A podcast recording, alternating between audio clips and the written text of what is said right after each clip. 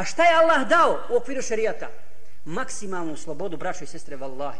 Ja ću vam dokazat, a nek dođe neko da me demantuje, da čovjek musliman je najslobodniji u okviru šerijata ako se ponaša u granicama Allahovog zakona. Jer je Allah čovjeku u islamu dao najveću slobodu, maksimalnu slobodu. A evo dokaza. Pogledajte koliko Kur'an govori i sunet poslanika sallam o stvarima koje su halali, koje su dozvoljene čovjeku. Kad bi nabrajali, ne bi cijelu noć nabrojali. Koliko halal stvari ima? Allah kaže, ko je zabranio lijepa jela? Ko je zabranio lijepu odjeću? Ko je za... Kažu, do, dolaze ljudi, kaj psan selem, neće čovjek koji ima oholosti trunka, oholosti ući džennet. Pa kažu, ja Rasulullah, jer oholost kad čovjek obuče lijepo odijelo.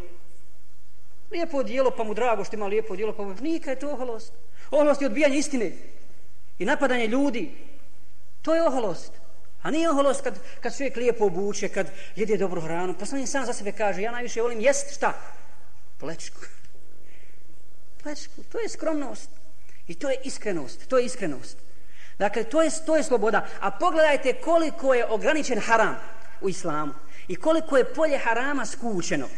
One najružnije stvari, jer Allah je zabranio samo šta? Samo ono što sigurno donosi zlo i štetu čovjeku. Ništa više. A vallahi kad bi brojali te harame, nabrojat ćemo ih sad na, na prste jedne ruke. A halal kad bi brojali, ne bi ga brojali, izbrojali čitavu noć. Koliko ima halal stvari? To je dokaz, dakle, da je Allah dao slobodu, slobodu čovjeku. I sad, kad čovjek učini haram, kad padne, kad iziđe iz tih okvira halala, zaista je nisko pao. Allah ti otvorio polje dobra, hajra, dozvoljenih stvari, halala i ti pored svega toga posegneš ko židovi, ha?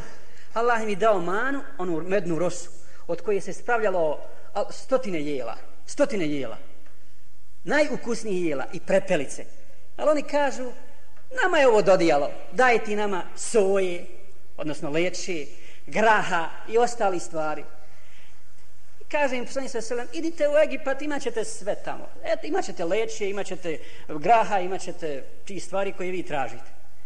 Znači, ono što je bolje, zamjenjujete za nešto je gore.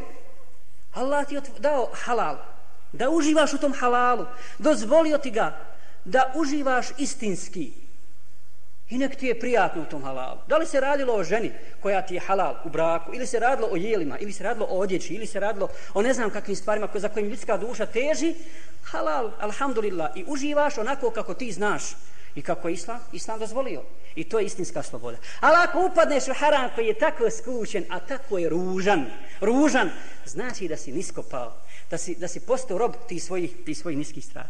Zato zaključak za ovaj prvi dio, dakle za slobodu, Zato istinskih muslimana nema da se liječe od side. a? Osim ako se može oboliti od side mimo ovih stvari koji, ako Allah da neko da oboli od side na neki drugi način, ja ne znam, možda medicina dokaže da može. I mimo homoseksualizma, mimo ovoga, mimo onoga. Ali što se tiče samih ovih stvari, droga, dakle narkomanija, homoseksualizam, bludničenje i tako dalje, toga nema kod istinskih vjernika. Jer oni uživaju u halalu, odnosno oni su istinski slobodne, slobodne ličnosti i znaju šta je, šta je prava sloboda, jer su pokorni Allahu, želeš, kako kaže jedan pjesnik, samo jedno padanje znači istinsko uzdizanje. A? Koje padanje? Padanje na seđdu. Wallahi je samo to uzdizanje. Pravo istinsko uzdizanje duše, odnosno čovjekove ličnosti.